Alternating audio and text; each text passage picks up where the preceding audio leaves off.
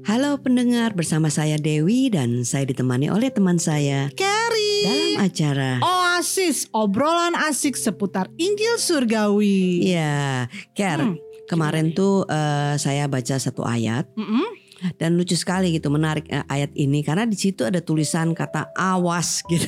Awas, awas berarti Iya. kayak warning gitu ya. Awas. gitu iya gitu. Kayak seperti satu peringatan gitu Ya, kan agar betul. kita tuh hati-hati. Hmm. Ya kan, nah kata-kata awas itu kan sering kita juga lihat kan peringatan semacam eh, kayak misalnya awas ada tikungan gitu.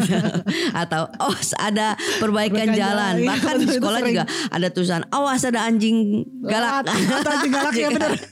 ya kan? Nah kayak gitu-gitulah ya. Itu Ya. kan semua itu kan artinya kita tuh harus eh, memberi perhatian yang Hmm. lebih lah ya, gitu. Kalau enggak kita akan mengalami hal-hal yang yang pasti sangat membahayakan diri kita lah Hmm. gitu juga orang lain karena Hmm. ditulisnya awas gitu kan, bukan sesuatu yang kita abaikan. Nah ada ayat ini ya di satu Timotius itu eh, 4 ayat 16 itu ada tulisannya begitu, ada awas tuh. Hmm. Nah, kira-kira tuh ya apa yang perlu kita awasi karena dikatakan ini ya eh, kalau kita awas hati-hati itu akan menyelamatkan diri kita dan juga eh, orang yang mendengarkan kita gitu. Hmm. Wah, ini apa namanya eh, menarik banget kan gitu Yap. kan.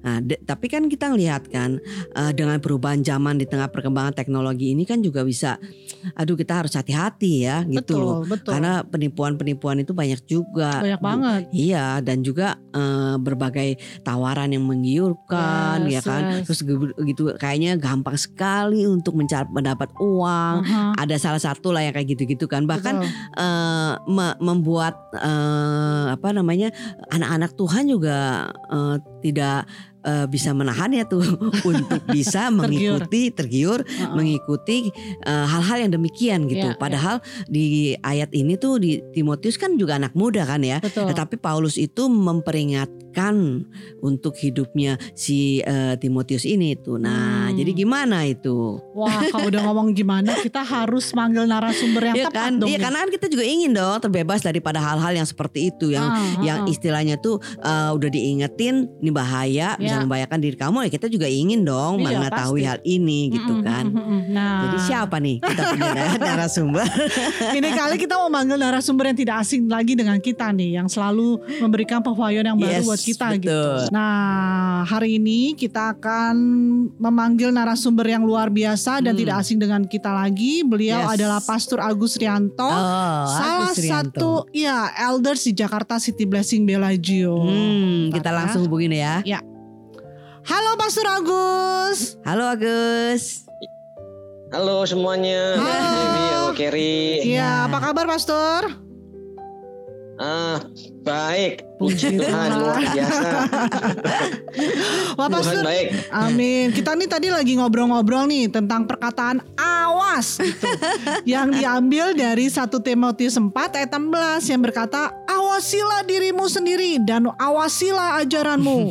Bertekunlah dalam semuanya itu karena dengan ber- dengan berbuat demikian engkau akan menyelamatkan dirimu dan semua orang yang mendengarkan engkau." Nah, menurut Pastor Agus gimana nih dengan kata awas-awas gitu tuh? Silakan. Silakan. Iya, tema yang menarik sekali. Hmm. Tema yang menarik gitu ya. Tema Iya. yang ah, menarik sekali. Ah, berarti kan kita harus hati-hati ya namanya Iya, awas Betul. gitu kan.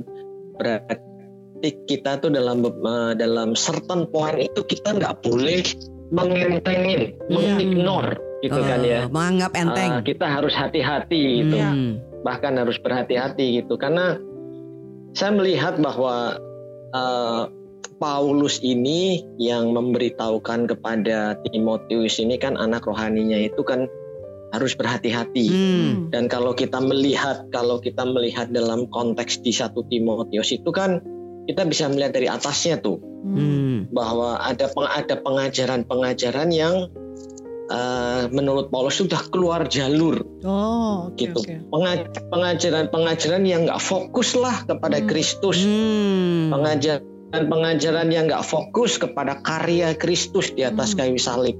Nah ini sangat berbahaya sekali Iya. Hmm. gitu. Kalau kalau kita bisa melihat di Timotius 1 gitu 4 kita ada di situ tentang uh, tentang doktrin daripada si jahat Mhm.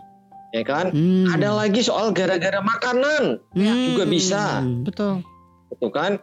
Ada lagi di situ dia ngomong bahwa nggak boleh kawin, nggak boleh nikah, gitu kan? Itu pakai awas ya. pakai awas. iya, awas-awas semua gitu. Nah, terus kemudian belum lagi banyak hal lah. Hmm. Hari-hari hari aja itu bisa buat sesa- bisa membuat orang itu eh, apa itu tidak fokus kepada Kristus. Hmm. Makanan gitu. Iya. Jadi banyak pengajaran-pengajaran kalau kita nggak hati-hati atau Timotius dalam hal itu hati-hati. Yang pertama Hmm.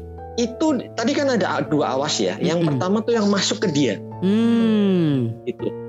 Yang mempengaruhi dia, yang Hmm. mempengaruhi cara pandang dia nanti kepada karya Kristus. Wow, betul juga. Nah, kalau sudah terpengaruh kita oleh hal-hal begitu atau dalam hal ini Timotius, Mhm. yang keluar pun pasti terpengaruh, nggak Hmm. fokus kepada karya Kristus. Betul. Yes, yes, yes. Ininya inilah makanya kalau sudah seperti itu Timotius juga bisa membahayakan diri dia Mhm. dan juga membahayakan orang-orang jemaat yang di situ Hmm. gitu. Ya, ya. Nah, Jadi, ini tuh ya Hmm. sangat sensitif sekali buat Paulus Mhm. gitu. Nah, saya ingin kasih gambaran gitu ya. Hmm. eh, untuk menjelaskan ini di seperti misalnya di Matius 13 Mhm. gitu ya. Ini adalah perumpamaan tentang lalang di antara gandum. Hmm. Jadi di, di ini diceritain. Saya percaya Cidewi dan Kerry apalagi perempuan gitu pasti punya pot di rumah, Ya. pot yang isi Tanaman. ya kan. Ah, ah, ah. Terus di di pot itu pasti ya namanya ada tanah, udah beli pot ada tanah pasti kalian tuh taruh biji sesuatu lah, Betul. benih sesuatu lah. Mau Ya. benih apalah, benih apa pasti ada kan. Bawang lah gitu kan, cabe, Iya, pasti kan. kan. Nah, yang berguna gitu kan. kan. Nah, betul kan? Nah, kera- hal kerajaan surga itu se- seumpama orang yang menaburkan benih. Hmm. yang baik di ladangnya. Betul, betul. Nah, tetapi pada waktu semua orang tidur, waktu Cidewi tidur, waktu Kerry tidur, eh, kemudian tiba-tiba apa itu semuanya itu bisa bertumbuh sendiri. Tapi pada waktu semua orang tidur, datanglah musuh menaburkan benih lalang di antara gandum itu lalu pergi, Mhm. ya kan? Mm-mm. Nah, jadi saya melihat gitu ya. Ini benih yang baik pun loh. Ini sudah benih yang baik. Hmm. Mhm. Eh masih ada juga yang bisa pada waktu kita tidur, pada waktu kita nggak ngeh, nggak sadar gitu ya. Mhm. Ada kelihatan pengajaran-pengajaran yang terlihat baik, tapi sebetulnya tidak membangun kita. Hmm. Nah, kita ini seumpama tanah. Tanah itu di dalam tanah itu sudah ada sudah ada semua nutrisi yang dibutuhkan untuk benih bertumbuh. betul. Makanya kalau Cidewi dan Kerry itu menaruh benih sesuatu apa bertumbuh. Iya. Gitu. Nah, bayangin kalau pada eh, ini di sini diumpamain kalau kita nggak kalau kita lagi tidur ada musuh yang menanamkan benih ya. Ya. Apalagi kalau kita secara sadar mengizinkan pengajaran-pengajaran yang tidak fokus kepada Hmm. Kristus itu masuk ke kita. Ya, ya, ya, Oh, betul. Wah itu bisa bisa Bisa dibayangin nggak kita ya. dampaknya? Ya, betul betul. Hmm. Gitu. Ya, ya. Makanya Paulus itu ngerti sekali. Ini dia sampai ngomong hati-hati awasi yang masuk ke kamu, yang kamu Hmm. terima, yang kamu dengar, Mhm. Ya, ya, ya, ya. gitu. Wow. Karena ini bisa bisa nggak membuat kita nggak fokus eh, dan membuat orang lain juga menjadi dicelakakan oleh pengajaran kita. Hmm. Mungkin uh, contohnya Gitu. kalau in reality sekarang kayak berita-berita gitu kali ya. Betul, berita-berita oke. itu, Mhm, mhm, mhm, mhm. gitu. Iya, iya, iya. Tadi eh, Cidewi bilang kan kita anak-anak muda seperti Timotius bilang anak-anak muda itu. Hmm. Waduh, sekarang kita bangun, waduh, nam buka medsos, Iya. wah semua news Yes. bisa masuk ke kita. betul. Hmm. Iya, sehingga Ya. membuat kita itu tergiur bahwa sebenarnya mencari uang tuh gampang kok dengan hal ini, dengan hal begitu ya. Padahal sebenarnya Iya, eh, apa namanya fokusnya itu bukan di situnya, tetapi Hmm. dia eh, eh, anak-anak sekarang itu tidak melihat sejauh eh, penyertaan Tuhannya ya. iya. Wow. Sehingga banyak kali kalau kita nggak fokus kepada Kristus ya, jadi kepuasan kita itu kita taruhkan di tempat lain. Yes. Tadi seperti kalau sekarang di medsos, investasi ini gitu Hmm. mudah eh, eh, dapat duit gini Hmm. orang ikut di sana padahal Iya. dari dulu kan sudah banyak jebakan-jebakan tapi Hmm. masih juga Iya, Hmm. iya. belum belum lagi nanti hal-hal yang lain yang misalnya contohnya saat inilah kita tuh kan puji puji Tuhan kita sudah berakhir endemi Ya. Hmm. tapi kemarin juga kalau kita buka waduh kita ketakutan sana sini sana sini Betul. gitu Iya, iya. ya kan sama aja gitu kalau semua news yang nggak berfokus kepada Kristus pasti membuat kita tuh khawatir Yes. takut gitu bingung Yes. bimbang nanti seperti tadi kalau investasi aduh mumpung nih karena masa depan begini nanti kita nggak secure kita Mm-mm. nggak aman yuk kita invest Mm. gitu ya kan sama juga dengan pandemi aduh kita gini kita takut gini ayo kita ini Iya. akhirnya kita semuanya yang keluar dari kita ketakutan lah stres kita doubt kita Iya. ragu-ragu akan ke akan karya Kristus gitu Mm-mm, mm-mm. nah ini perlu sekali buat kita itu sebagai anak-anak Tuhan gitu ya mempunyai fokus gitu Iya. kepada karya Kristus ini sehingga kita tuh tidak mencari kontenmen kita kepada harta di dunia ini Hmm. tadi seperti investasi yang menggiurkan nanti ujung-ujungnya kita kejebak atau Tapi- sebuah atau kita Tapi Yes. nggak ada Iya, salahnya gimana? dong, kan kalau anak sekarang kan nggak ada salahnya dengan investasi. Nanti orang bingung, wah nggak boleh investasi nih.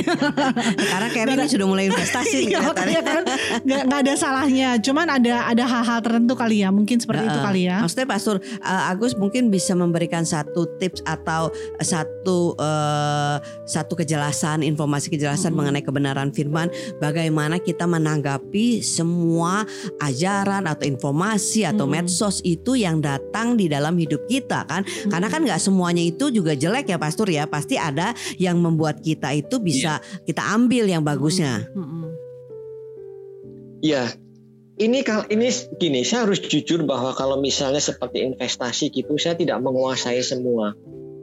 Gitu, ada baik buruknya kadang-kadang susahnya begini.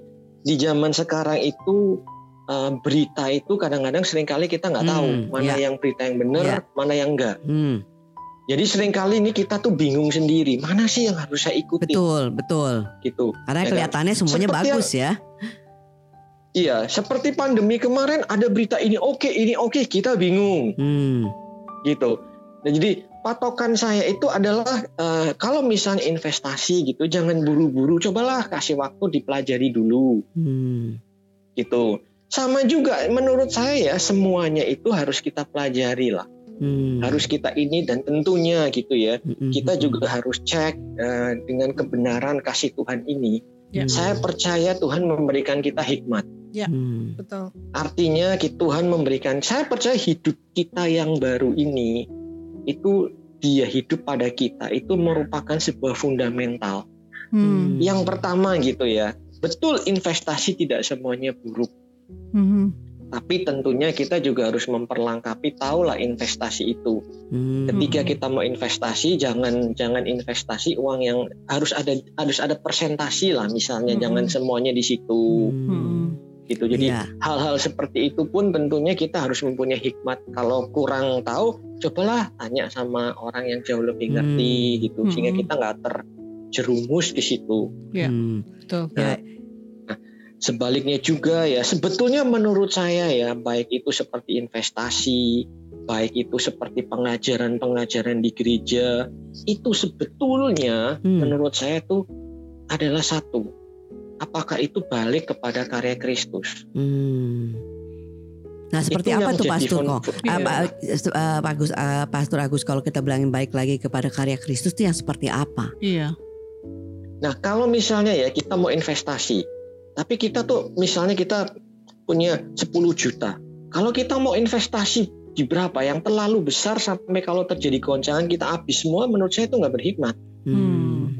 Karena kita berarti memfokuskan masa depan kita kepada uang itu. Hmm. Padahal Security kita tuh bukan ada di investasi itu. Iya. Hmm. Ya, Masa ya. depan saya eh, bukan ada pada hasil uang itu, tapi Hmm. ada pada karya Kristus itu. Hmm. Ya, ya, ya. Kan ada tuh kalau kita dengar dari masuk ada yang sampai orang itu habis-habisan Iya. gitu kan. Nah menurut saya bukan seperti itu. Hmm. Gitu. Kita Jadi- boleh investasi dalam Yes, yes. perhiasan lah, Yes. dalam ini tapi dengan yang terukur jangan Iya. sampai kita tuh sepertinya gitu ya menggantikan Tuhan ini dengan dengan hasil investasi ini menjadi jaminan masa depan saya Hmm. Ya. Oke. Nah, itu kan salah satu contoh aja ya Pastor Mm-mm. Agus ya bahwa investasi, tapi di dalam hidup kita itu kan banyak sekali hal-hal yang eh, membuat kita itu mengambil keputusan itu didasari daripada informasi yang pengajaran yang belum tentu itu berfokus kepada karya Kristus yang yang sudah eh, memberikan dasar eh, untuk kita merasa rasa aman di dalam hidup ini ya Pastor ya. Nah, eh, Hmm. saya setuju sih, saya setuju sekali eh, dengan eh, satu eh, fokus hidup kita itu didasari dengan karya Kristus karena sekarang Mm-mm. kalau kita hanya melihat bahwa ini bagus, ini lebih untung, ini eh, lebih baik, itu Mm-mm. lebih jelek. Nah, itu tuh memang dasar itu sangat sangat sangat rapuh banget ya Pastor ya. Mungkin ada orang yang berinvestasi semuanya uangnya ditaruh situ eh berhasil.